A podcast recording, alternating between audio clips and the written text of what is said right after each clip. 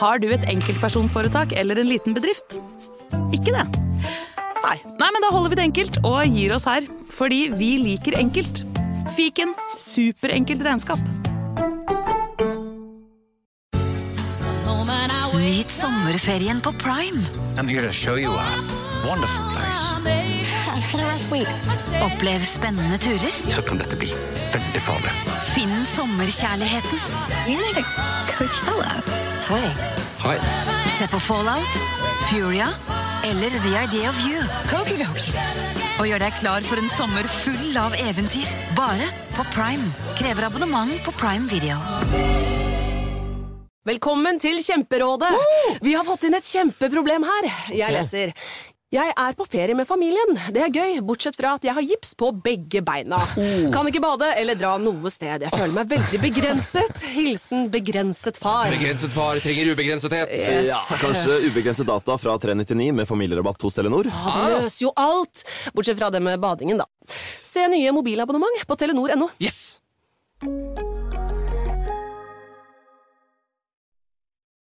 Hei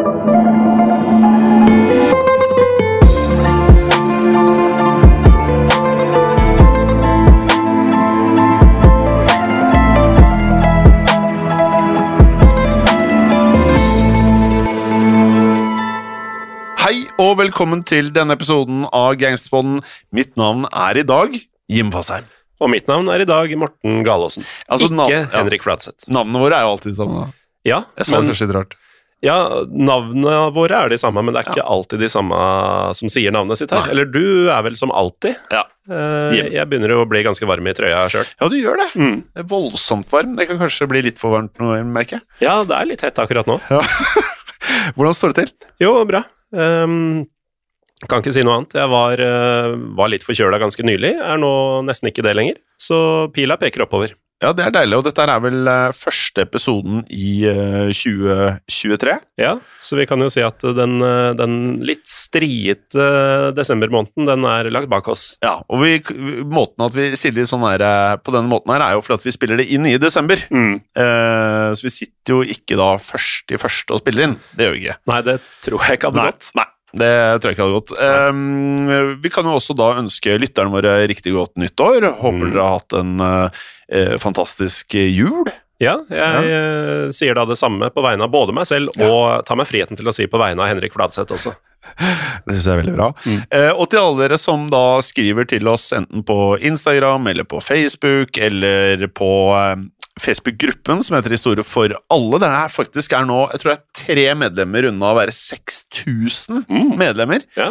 eh, som spør hvor alle episodene av Gangsterpodden er blitt av. ja, Så er det jo en veldig naturlig og god forklaring på hvor de er. de har blitt av på akkurat samme sted som alle episodene av Historiepodden og Historiepodden WW2 har blitt av, Ja. eksempel, eh, nemlig på Untold. Ja.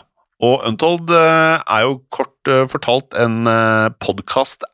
Mm. Eh, hvor du da kan høre på podkastene selvfølgelig da uten reklame. Mange av de er mulig å høre andre steder, sånn som denne. Så kan du høre hver fjerde episode på iTunes eller Spotify. Mm. Men de tre øvrige episodene hver måned, de er det kun å få tak i i Untold, selvfølgelig da uten reklame. Nettopp. Så hvis du vil ha ukentlig Gangsterpodden, så er Untold eneste måten eh, å få det på. Og da får du alt helt uten reklame. Og det koster eh, 69 kroner måneden, eh, men så får du jo da først en måned gratis. Mm. Eh, og så kan vi jo da teste ut, da, for det er ganske mye podkastinnhold der uh, as we speak, og det kommer bare mer og mer. Ja, altså det er jo som sagt uh, ukentlige episoder som kommer unikt fra veldig mange av de store podkastene, Gangsterpodden blant annet, Uh, og så har du egne podkastserier som du aldri kommer til å kunne høre andre steder enn på Untold, blant annet flere med oss to hjem. Ja, Vi har akkurat spilt inn, og det er vi, vi trodde det kom til å bli spennende, men at det var så mye blod og selvmord, Ja. det var vi ikke klar over. Men samlingen av Japan Ja, rett og slett en historie fra mm, 1500-1600-tallet om eh, hvordan Japan ble samla til ett rike av en serie med krigsherrer, egentlig, som, ja. som prøvde å få det til, hvor da det gikk til slutt. Og det var da etter en rekke rekke eh, både massakrer og rituelle selvmord og Kriger intriger, Ja. backstabbing. Alt det man eh, forbinder med ja, fart og spenning. I hvert fall action. Ja, og så var det noen ninjaer involvert òg, i tillegg til alle samuraiene. Ja, Samuraier, ninjaer Altså alt det man liksom eh, tenker ikke er så mye av i dag, det var det mye av den gang. Nettopp. Um, og hvis du da uh, laster ned Untold, enten da hvis du har eh, eh, Apple-produkter, så kan du laste ned på AppStore. Mm. Og hvis du er som meg og bruker Android, så er det Google Play Store. Ja, det er helt riktig, det. Men du kan være nøytral også, gjøre Ja. det på en helt annen måte. Ja, Da lurer jeg på hva du har, men eh, det er likevel eh, kanskje like enkelt. Det er da på untold.app, som Mm. da er nettsiden til, eh, til appen. Ja. Og da har du også blitt forklart, mens du taster inn den URL-en, Ja. hva Untold er for noe. Ja. Untold, en app. Og så er det jo sånn at hvis du kjøper et helt år, da blir det enda rimeligere. Da tror jeg du først får de 30 dagene gratis, og to måneder til. Mm. Det var det jeg gjorde, altså. Eh, I dag, Morten, så skal vi prate om en fyr jeg har hørt masse om i forskjellige mafiafilmer opp gjennom årene. Men jeg Mm. vet ikke så mye om han. Nei, da er det på tide å ta praten. Hadde du hørt om han før? Jeg hadde faktisk ikke det. Nei, du hadde ikke det? Nei. Nei, for Dutch Schultz, som er eh, dagens mann, eh, han var ansett til å være en av de eh, aller mektigste gangsterne under forbudstiden i USA. Og det er en epoke vi har vært mye innom eh, de siste ukene og månedene, føler jeg. Kanskje favorittepoken i denne podkasten, på mange måter. Det er jo eh, altså alt sånne her gangstergreier eh, som ah, Hvis du hører ordet gangster, i hvert fall hvis jeg gjør det, det første som popper opp i huet mitt, er sånne swinging twenties med Ja. Al Capone-type folk og sånn. Og det er jo nettopp eh, forbudstiden. Ja, det er det. Og øh, vi har jo da pratet om hva forbudstiden, hva som gjorde den så spesiell. Det kommer vi sikkert eh, innpå av og til her i denne episoden også, men det var jo det at det, gangsterne, eller alle som ønsket å tjene litt ekstra grunker Ting var jo veldig tilrettelagt mm. når det var ulovlig å handle og selge alkohol. Eh, mens alle ville ha alkohol! Ja. Det er, eh, det er du, Scenen er satt på en måte for at gangsterne skal kunne boltre seg litt. Den er ganske eh, så godt satt, ja. For Mm. eh, historien om eh, Dutch Schultz eh, har jo da blitt gjengitt, som jeg sa flere ganger, på film, men også i bøker, og også selvfølgelig da, som vi har lært Vi har jo hatt gangstere i denne podkasten her som har gått mye på teater. Mm. Og det høres kanskje litt rart ut, det, da, men den uh, historien om Dutch Schultz har også um, vært fremført på en teaterscene. Ja. Og han er kjent for å være en av de aller mest brutale, mest nådeløse, og også kanskje da blant de mest rike Altså de som uh, samla størst verdier gjennom sin karriere som gangster. Ja, og vi kommer jo dit også, men uh, vi starter med fødselen. Uh, og Dutch eh, Schultz han ble født eh, litt eh, ironisk eh, kallenavn, egentlig, fordi han ble født Arthur Simon Flegenheimer Oh. 6. august 1901, og um, han var jo ikke Dutch, altså nederlandsk, eh, for foreldra. Emma og Herman de var eh, tyske immigranter som bodde i Bronx eh, nord i New York. Jeg kan jo legge til, har du sett Peaky Blinders? Nei, det har jeg ikke. Nei, for Arthur er jo broren til hovedpersonen i Peaky Blinders, og han er hard! Han er hard, han. Ja. Så Arthur Tidligere så har jeg bare tenkt sånn helter. Kong Arthur og liksom Mm. Det er Det har tenkt når jeg har sett det navnet tidligere, men nå tenker jeg hardbarka gangster. Ja, det skal bli hardt her. Um, han ble da som sagt født i 1901, og allerede i 1910 så ble foreldrene skilt, og faren bestemte seg da for å forlate resten av familien. Ja, og dette var da en eh, hendelse som snudde selvfølgelig da, og lite overraskende, opp ned på tilværelsen til eh, den gang unge Arthur Simon. Og ettersom faren eh, ikke var til stede, så ble det nettopp hans oppgave å forsørge familien. Og dette betydde da at han eh, rett og slett eh, måtte droppe ut av skolen. Han måtte slutte for å kunne tjene penger, i hans tilfelle, gjennom strøjobber og gjerne forskjellige fra uke til uke. Og i starten så jobbet han som budbringer, men han var også fabrikkassistent, og også da på lageret. Altså han var en lagerarbeider. Ja, og etter hvert så fikk da Arthur seg en jobb på en gangstereid nattklubb i nabolaget, og det var på denne tida omtrent at hans kriminelle karriere starta, kanskje ikke overraskende. Han begynte da med å rane gamblere som spilte craps, eh, som er et vanlig terningspill på kasinoer i USA. Ja, og craps uh, Jeg har aldri spilt det, Nei. Uh, men jeg har et nært forhold til det. Og det høres kanskje litt rart ut. Gjennom uh, gangsterfilmer, Ja, ja det nettopp. Og det er gjerne sånn i gangsterfilmene så, så er det gjerne sånn kjøkkenutgangen bak en restaurant i Bronx, så eh, har du bare sånn folkemengde hvor de sitter og shaker terningene og bare dunker dem inn i murveggene, da. Eh, og som 18-åring så ble da Dutch eh, arrestert etter han hadde forsøkt å bryte seg inn i en leilighet, og han ble dømt og også sendt i fengsel for dette på Blackwell Island, som er da like utenfor New York.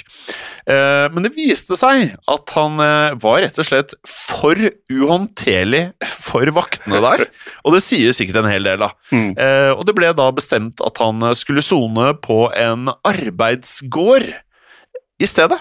Ja, og altså, gudene veit hva, hva de gjør for å gjøre deg uhåndterlig for vakter på, i et fengsel på en øy. Ja. Men uh, han eh, var en vill 18-åring, denne Arthur Simon. Man skulle tro at poenget med å være i fengsel var jo for at du skulle bli holdt i tøylene, og at det var straffen din, men nå havna han altså på en gård. Ja, og denne gården, eh, arbeidsgården i New Hampshire, den rømte han fra, kanskje ikke overraskende, men han ble tatt igjen kort tid seinere, og det ble lagt til to måneder da, på straffen hans. Ja, og hvis vi går til året 1920, så slapp han da til slutt fri, den gang da på prøveløslatelse. Og imens han da hadde sonet, så hadde det skjedd en eh, relativt eh, viktig endring i USA sin politikk, vi var innom det. Ja, og eh, jeg veit ikke om det har blitt sagt tidligere, men denne endringa kommer faktisk Altså, nordmenn kan ta en viss kred for akkurat den endringa. Ja, det kan vi faktisk. Mm. Eh, og da tenker du på Nei, det er jo denne Volstead Act. Ja. Altså, um, kongressmannen eh, som sto bak, Volstead, Ja. var eh, av norsk eh, avstamning. Het egentlig Volstad. herkomst. Mm. Ja. Eh, har du det fra du, du husker noe ikke jeg husket fra episoden vår i Historiepodden om uh, Chicago-gangsterne? Nei, dette har jeg tatt fra um, NRKs gamle serie Edle dråper. Ah, skjønner. Eh, ja, du nevnte det jo. The Volstead eh, Act var den store forandringen fra eh, perioden før Dutch havna i fengsel. For den var nå i effekt, og alkohol var nå å anse som ulovlig. Og med det så var da forbudstiden i full sving. Og etter fengselsoppholdet så begynte Arthur Simon å arbeide for selskapet Schultz Trucking. Og som mange andre transportfirmaer så hadde Schultz Trucking begynt å smugle alkohol inn fra Canada, og begynt å distribuere varene via gangstere i New York. Det er jo et uh, genialt sånn eh, cover. Ja. Eh, må jo si det. Eh, og gjennom nettopp den businessen da, så fikk Arthur Simon mange kriminelle kontakter. Det er ikke overraskende, eller? Nei. Nei. Eh, og han ble da kjent som en, eh, vi nevnte det, spesielt voldelig type. Eh, og han skal ha vært knallhard, brutal, eh, og han blir også beskrevet som en person med sinneproblemer. Ja, ganske store sådan. Ja, store sinnaproblemer. Eh, og de gangsterne som han stort sett eh, møtte da, de følte nok at Arthur Simon Flegenheimer var noe tamt, Ja. og det kan jeg være enig i. Ja, det høres ikke fryktinngytende ut. Nei, det gjør ikke det, så da ble jo navnet hans Dutch Schultz, som høres beinhardt ut, syns nå jeg, da. Ja. Eh, og Dutch er eh, etter hans eh, tyske opphav, og Schultz er etter navnet på selskapet som han da arbeidet for. Ja, enkelt og greit. Og etter en, eh, vi kan vel kanskje si i anførselstegn, uoverensstemmelse med Schultz Trucking, så bestemte han seg for å kutte kontakten med selskapet, og bestemte seg for å arbeide for et rivaliserende italiensk selskap i stedet. Og noen år senere, på midten av 1920-tallet, så begynte Dutch å arbeide som eh, bouncer på eh, baren The Hub Social Club, eh, også i Bronx, der han kom fra. Ja, The Hub-eieren var en eh, type ved navn Joey No. Eh, det skrives N-O-E, så man kunne jo sagt Noe. Joey Noe. Mm. Joey Noe. Joey Noe. Jeg velger å tenke at det er sånn det ble sagt. Eh, og Joey Noe han var jo også en gangster. Det kunne jeg også fortalt bare ut fra navnet, og at han jobbet på The Hub. Eller at han var eieren på The Hub. Eh, Joey Noe han ble rett og slett imponert av Dutch sin velkjente brutalitet og at han var så hensynsløs. Tenkte jeg det å bli imponert at du er brutal. Da jobber du i en viss bransje. Ja, det var en viss bransje. Eh, og i løpet av kort tid så ble da Dutch Scholz eh, forfremmet, selvfølgelig, for han eh, var imponerende sint, eh, og ble da rett og slett eh, Joey Nois eh, sin partner. Og de to sammen gjorde stor suksess, og de tok da over flere ulovlige barer i byen. Og de brukte også en ny business model, altså forretningsmodell. Ja. Så i stedet for å um, hyre inn transportselskaper som både var dyrt og involverte mange folk, altså en tredjepart, så kjøpte de heller sine egne lastebiler. Og i stedet for å smugle sprit ut av Canada, så fant de heller en lokal ølbrygger i Jersey Shore, altså i nabostaten New Jersey, og dermed kunne de drive operasjonen sin langt billigere enn det rivalene kunne. Innovative, altså. Ja. Og mange newyorkere de var villige til å betale my ganske mye for uh, lokalbrygga øl. Men uh, akkurat i dette tilfellet så var jo ølen billigere også, Um, og langt billigere enn det som var importert. Så her føler jeg liksom at uh, Dutch gjorde mye riktig. Både var det enklere, det var billigere, og selvfølgelig mye enklere å selge. Ja, og ja, kundene flokker seg jo til hvis prisen er litt lavere. Om de gjør så mye at uh, det ikke nødvendigvis var slik at alle var fornøyde. Nei. Fordi Dutch og Norway var nemlig ikke de eneste bootleggerne i The Bronx. Nei, og vi, um, vi syns jo Joey Noe er et ganske kult navn. Her har vi noen andre karer, nemlig brødrene John og Joe Rock. Altså Rock. John og Joe Rock eh, de var også gangstere. Og de Som i stein. sin. Ja, uh, som i stein. Eh, og de hadde da sin egen eh, operasjon eh, gående ved siden av, og de nekta først å kjøpe ølen til Dutch og Joey Noe, men etter hvert så fikk den eldre broren Rock, altså John, kalde føtter, for han kjente ryktet til Dutch Schultz og visste at det var en farlig mann å komme på kant med. Det er liksom sånn i miljøet her, vet du. Har du litt sånn rykte? Mm. Det går en lang vei, altså. Ja, Men den yngre broren, altså Joe Rock, han eh, nektet fremdeles plent å kjøpe fra Dutch. Og dette ledet til en av de eh, Kan vi kalle det ekleste angrepene i eh, noen gangsterfortelling vi har hørt? Det blir ganske Det, det blir mye kjøtt nå. Ja, det, ja, det er ikke bra. Ok, la oss starte, da. En natt så bestemte Schultz og Joey Noe seg for å da kidnappe Joe Rock. De banket han eh, først eh, litt opp. Eh, det var vel sikkert vanlig på den tiden. Standard prosedyre. ja. Eh, men og dette her er faktisk eh, litt eh, heftig, altså. Mm. De hang Joe Rock etter tomlene på en kjøttkrok. Ja, jeg kjenner det skjærer litt i kroppen bare av å høre de orda. For du vet, eh, i filmen Casino, når eh, Joe Pesci tar huet til eh, Joe Pesci er jo da italiener i filmen, til en irre som lager trøbbel for han, i en sånn derre eh, Sånn der du skviser ting med sånn eh, Som da på sløyden. Du eh, skal holde ting fast. Mm. En eh, Jeg er usikker på hva det heter. jeg, Altså. sløydbenk, liksom, da. Ja. Hvor du liksom presser sammen to tredeler ved å skvise det sammen. Mm. Der setter de huet til han irren. Helt til øynene begynner å nesten poppe ut av Ja. huet. De er harde, altså. Ja, de er harde. Men her har de altså, altså Schultz og Joey Noe de har hengt eh, Joe Rock etter tomlene på en kjøttkrok, og mens eh, Joe hang der, så bandt de en bandasje rundt eh, hodet hans, altså over øynene. Og um, vi veit ikke helt hvor de fikk tak i denne bandasjen, men den var altså skitten med gonorépuss. Ja, og gonoré, for de som ikke vet det, er en bakteriesykdom som vanligvis overføres gjennom sex.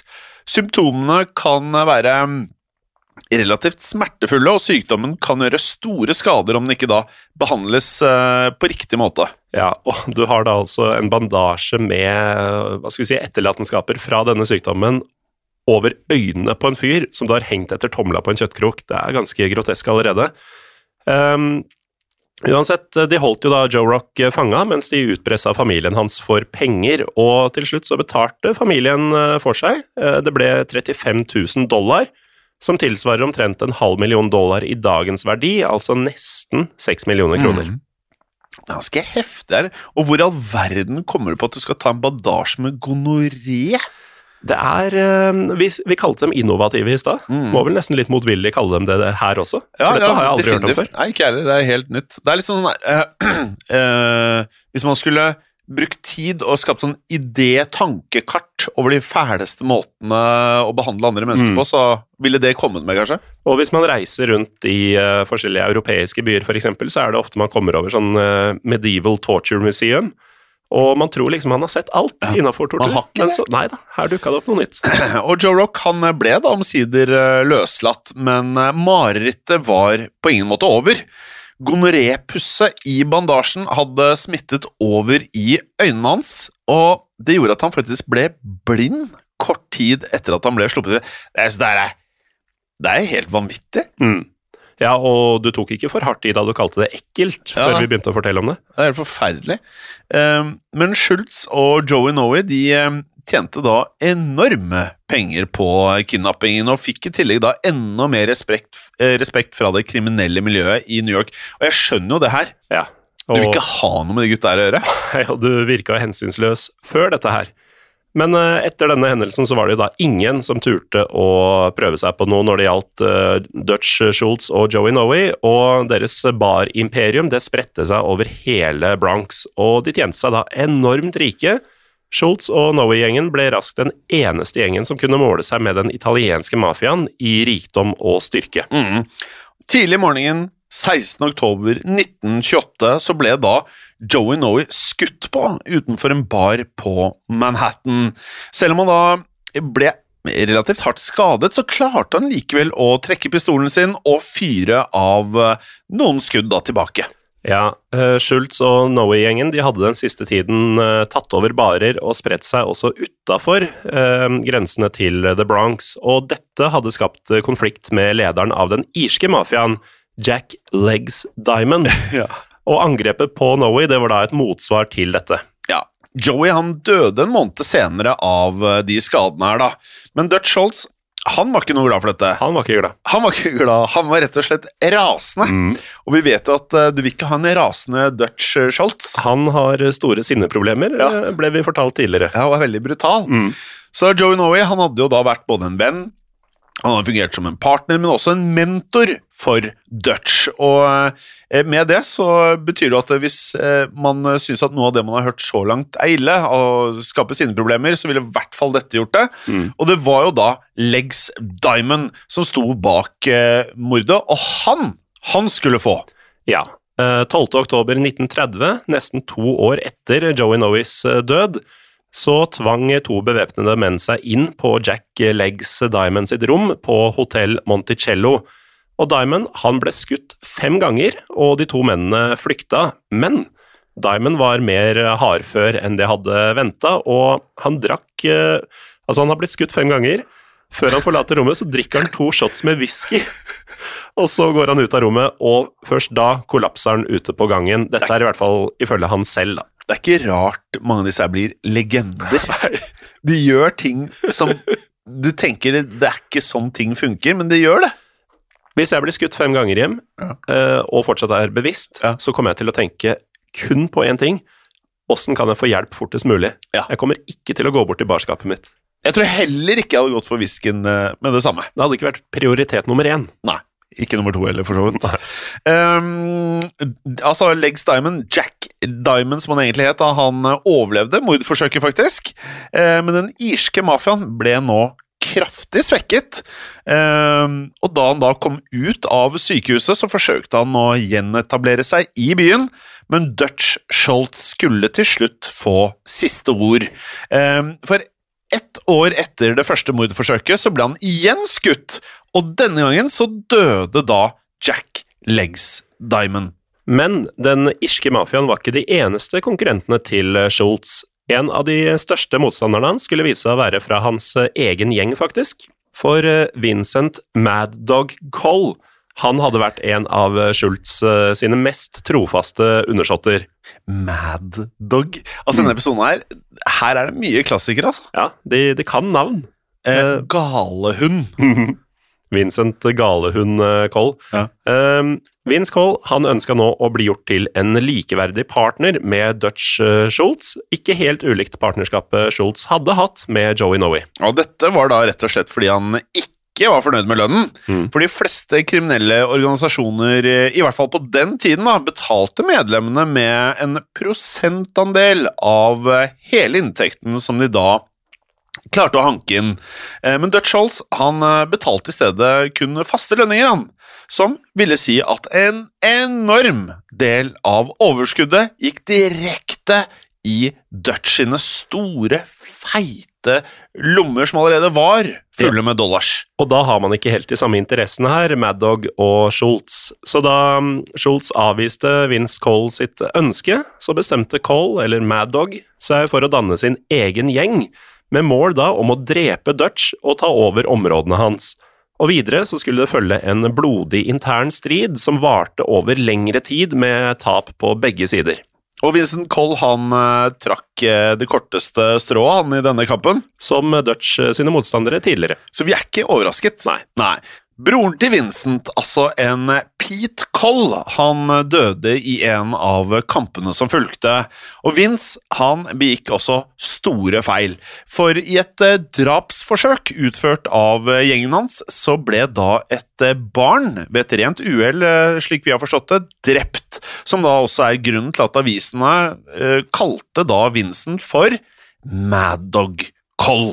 Ja, og februar 1932 så fikk eh, Dutch Schultz eh, tatt rotta på Vince Mad Dog Coll. Coll var inne på et eh, apotek da bevæpnede menn kom inn og skjøt han til døde med maskinpistoler. Og uten at vi har funnet detaljene på dette Jim, så det, det, det stinker Tommy Guns lang vei her. Vi håper det er Tommy Guns. Alt uh, fra denne tiden bør helst være Tommy Guns når det er maskingevær eller pistoler. Året etter, og da har vi kommet til selvfølgelig da 1933, så sto da Dutch Schultz overfor et uh, langt større problem, nemlig slutten på forbudstiden. Veldig mange i samfunnet var veldig glad, men gangsterne de eh, satte ikke pris på dette. Nei, på ingen måte, for eh, med det så betød det jo da at alkohol igjen var lovlig, og med det kunne eh, Dutch og veldig mange andre mafiaer og gangstere på denne tiden potensielt miste en enorm del av inntekten sin.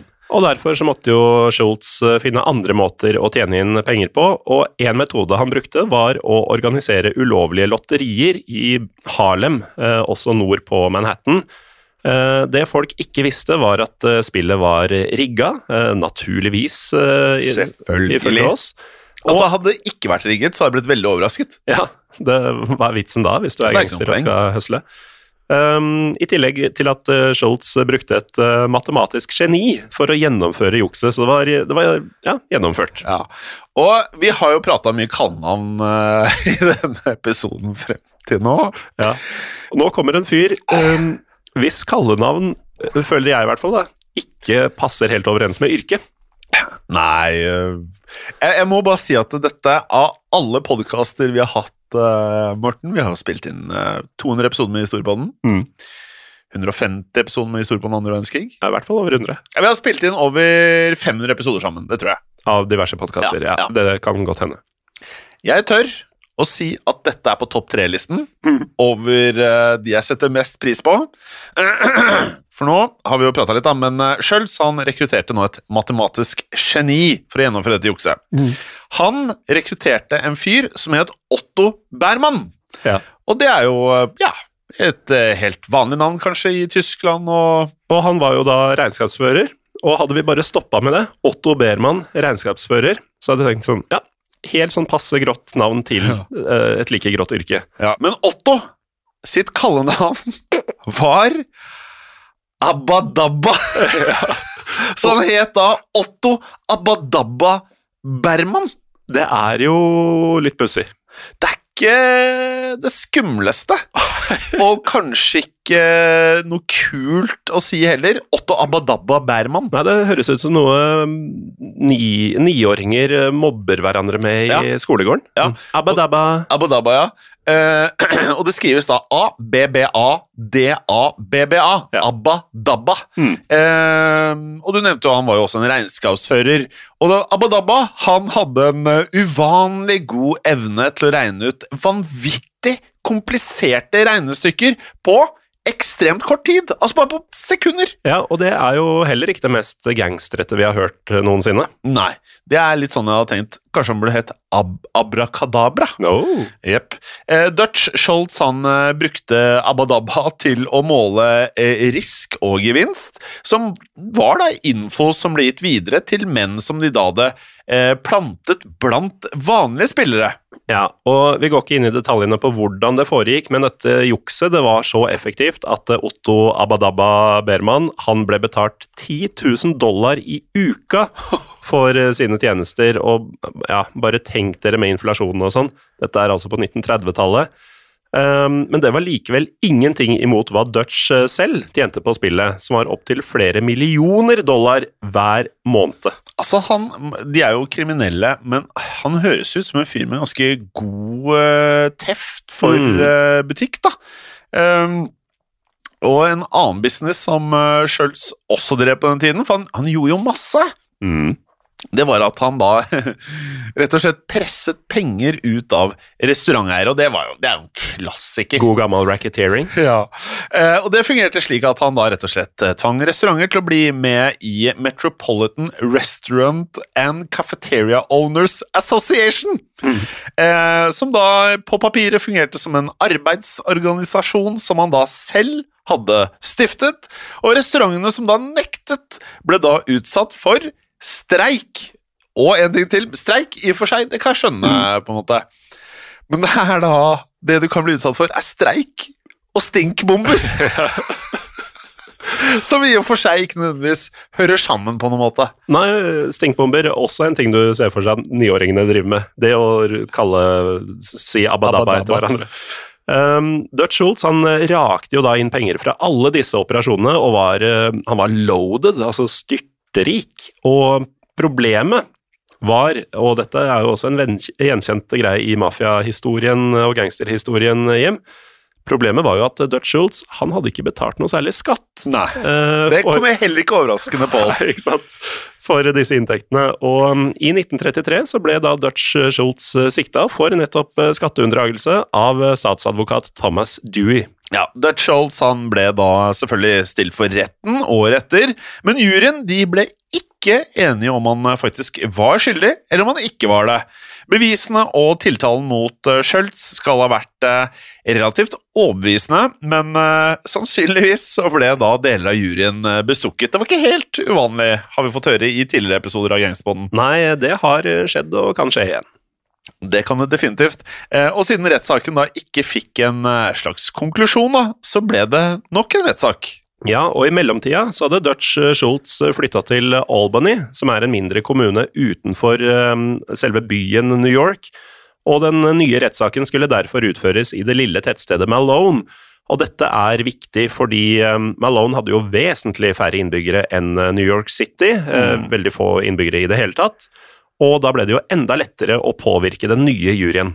Ja, Men Dutch han gjorde noe som eh, mange gangstere både før og etter han eh, også har gjort. Mm. Han donerte nemlig enorme pengesummer til eh, lokale bedrifter, til veldedigheter, og han ga også da leker til syke barn. Ja, Og det gir jo en effekt, da. Ja. Målet var jo selvfølgelig å få den lille byen til å elske Dutch Schultz. Og denne relativt kyniske strategien, den fungerte. Som eh, også har skjedd i ganske mange andre gangstersettinger opp igjennom. Ja, eh, og det, jo mer av dette vi opplever i podkastene våre, Morten, jo enklere føles mennesker å fungere. Gi dem mat, gi dem penger, og så kan selv de verste av folk få noe form for sympati, i hvert fall. Eh, og når han da igjen ble stilt for retten, så ble han fullstendig frikjent for alle anklager. Ja, Samtidig som han deala med denne skatterettssaken, så fikk eh, Schultz mistanke om at en av undersåttene hans eh, stjal fra han. Han mente nemlig at eh, Jules Martin, som leda denne restaurantutpressinga, hadde stjålet 70 000 dollar under nesa på Dutch. Jeg har en følelse at det ikke er noe Dutch eh, ser spesielt blidt på. Nei, og um, reaksjonen kan komme når du minst venter det. Fordi en kveld eh, som disse to eh, drakk sammen, så anklaga Dutch eh, plutselig Martin for tyveri. Tenk å bli anklaget for tyveri av den galeste fyren du vet om. Ja, du svetter bra da, tror jeg. Åh, da angrer du. Hvis du har tatt pengene, da angrer du ganske greit, tror jeg. Og Martin hadde jo tatt i hvert fall noen av disse pengene. Ja, for han innrømmet å ha tatt hele 20 000 dollar, men han mente da at han hadde rett på nettopp disse pengene. Det var sikkert Dutch interessert i å høre om. Veldig interessert i det. Nei, han var ikke det, for eh, uten et eneste ord Og det her er sånn jeg ser for meg at han var, da.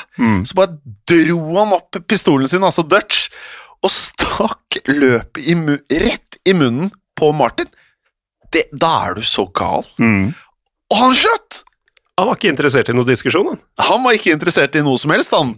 Og liket ble da funnet eh, senere med et eh, dusin stikkskader også i brystet til Martin. Og det virker eh, Altså, aldri har vel overkill vært et mer riktig ord. For du har akkurat skutt en fyr gjennom munnen hans. Altså, han er jo stein daud, du trenger ikke å drive og stikke ham etterpå. Nei, det er litt uh, overkill. Um, men du kan jo høre på det her da, Morten.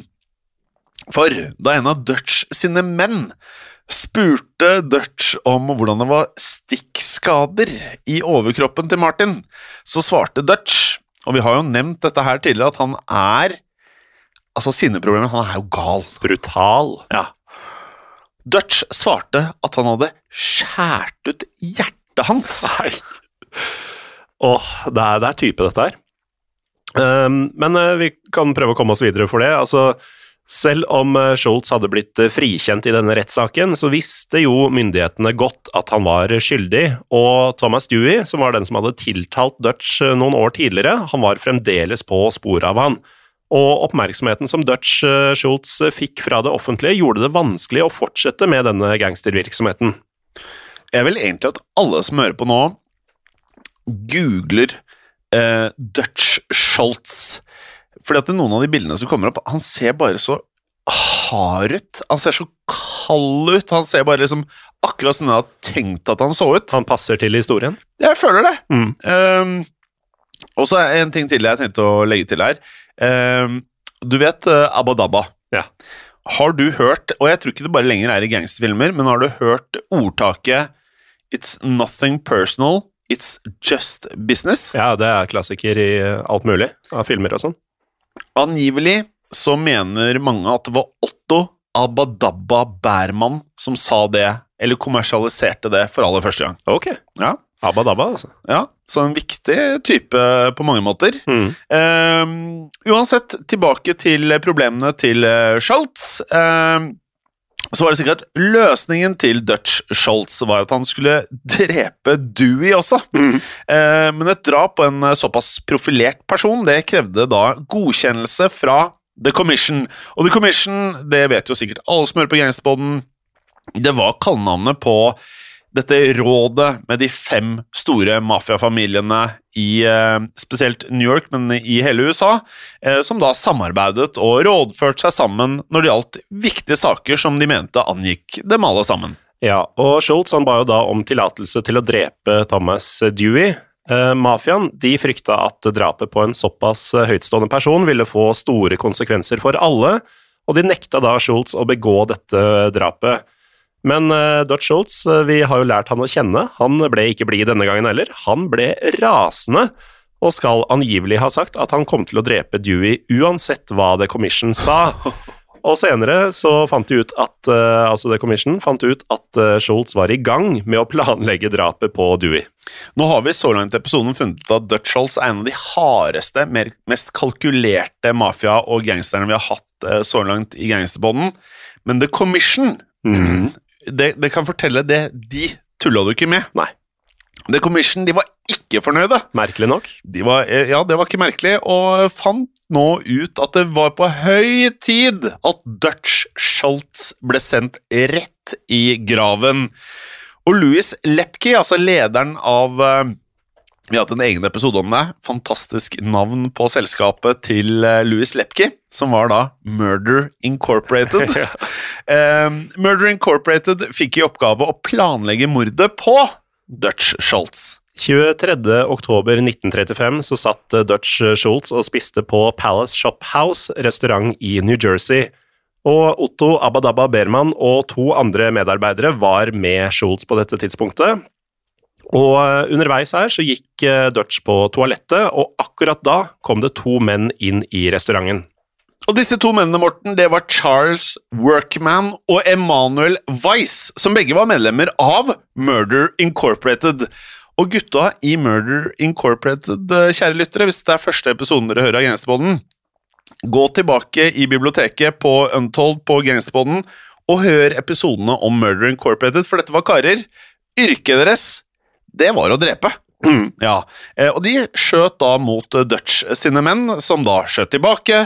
Dutch han ble omsider da skutt på toalettet, og Dutch sine menn, på tross av store, store skader, de klarte da til slutt å jage vekk morderne. Ja, eh, Otto Berman og de to andre medarbeiderne de døde kort tid etter av skadene de fikk under denne skytehendelsen. Dutch Schultz han ble sendt på sykehus, og det ble gjennomført en operasjon, men det hjalp ikke. Dutch Schultz døde nesten et døgn etter at han ble skutt, som en av de aller rikeste mennene i USA, og han ble faktisk bare 34 år gammel. Og Dutch Schultz han eh, er også kjent for sine aller siste ord, for de skal ha vært så fascinerende at det har eh, blitt eh, skrevet teaterstykker og beat-poesi basert på ordene hans. Politiet de forsøkte å få ham til å fortelle hvem som hadde skutt han, men han hadde svært høy feber og pratet mer eller mindre usammenhengende, men samtidig underlig poetisk. Og her er et par setninger som sier litt om sinnstilstanden hans mot eh, slutten av livet. I don't want harmony. I want harmony. Oh, mama, mama, who give it to him? Let me in the district fire factory that he was nowhere near. It smoldered. No, no. There are only ten of us, and there are ten million fighting somewhere of you. So get your onions up, and we will throw up the truce flag. Det er ganske heftig. Det er ganske heftig. Hvis dette er eh, noenlunde hva som surra rundt i huet på han eh, til daglig, så kan du begynne å forstå litt at han eh, var ukonvensjonelt, for å si det pent. Det kan man uh, trygt si. Og helt siden uh, hans død så har det gått uh, rykter om at Dutch Schultz har gjemt unna en skatt. Og da snakker vi ikke om skattepenger som han har skjult for futen, men en faktisk skatt. Ja. Og i tiden før hans død så frykta Dutch Schultz at han skulle miste pengene sine om han ble arrestert av Thomas Dewey og myndighetene.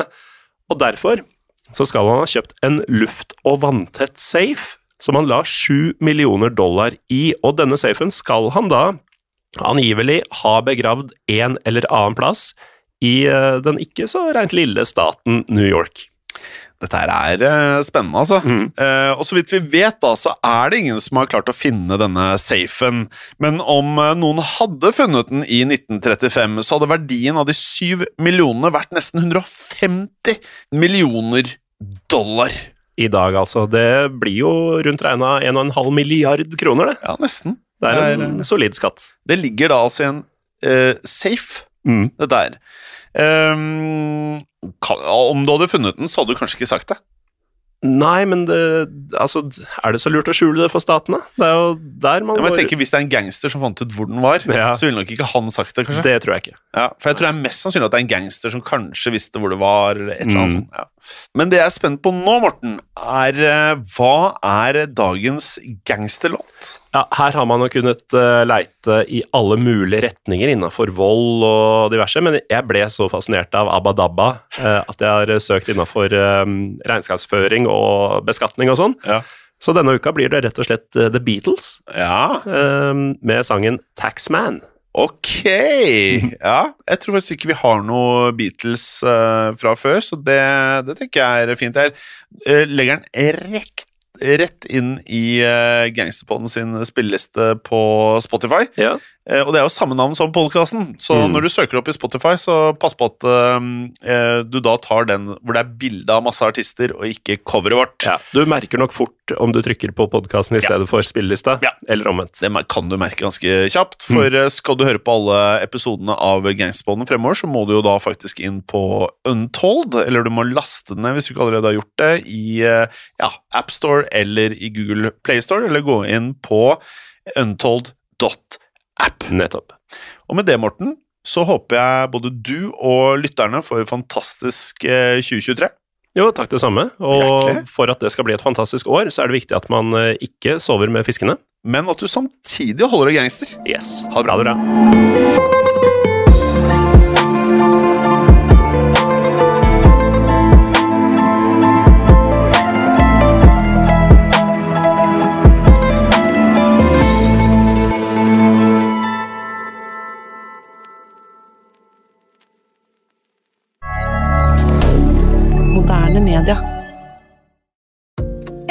Råd fra Apotek 1.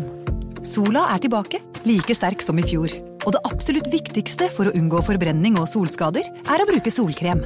Hvis du i tillegg bruker et serum med vitamin C under solkremen, kan dette bidra til ytterligere å forebygge ujevn pigmentering, linjer og rynker.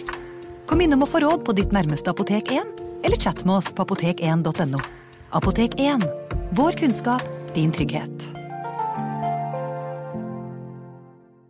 Hei, og takk for at du hører på denne podkasten. Bøddel er en eh, miniserie som tidligere har blitt publisert i Untold, men ut mai vil du få tilgang til denne samt en rekke andre miniserier og ukentlige episoder av Moderne Media sine podkaster.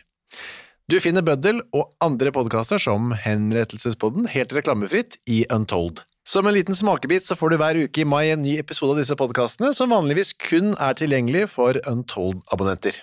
Hvis du liker det du hører, så bør du laste ned Untold, eller gå til untold.app for å starte ditt abonnement i dag.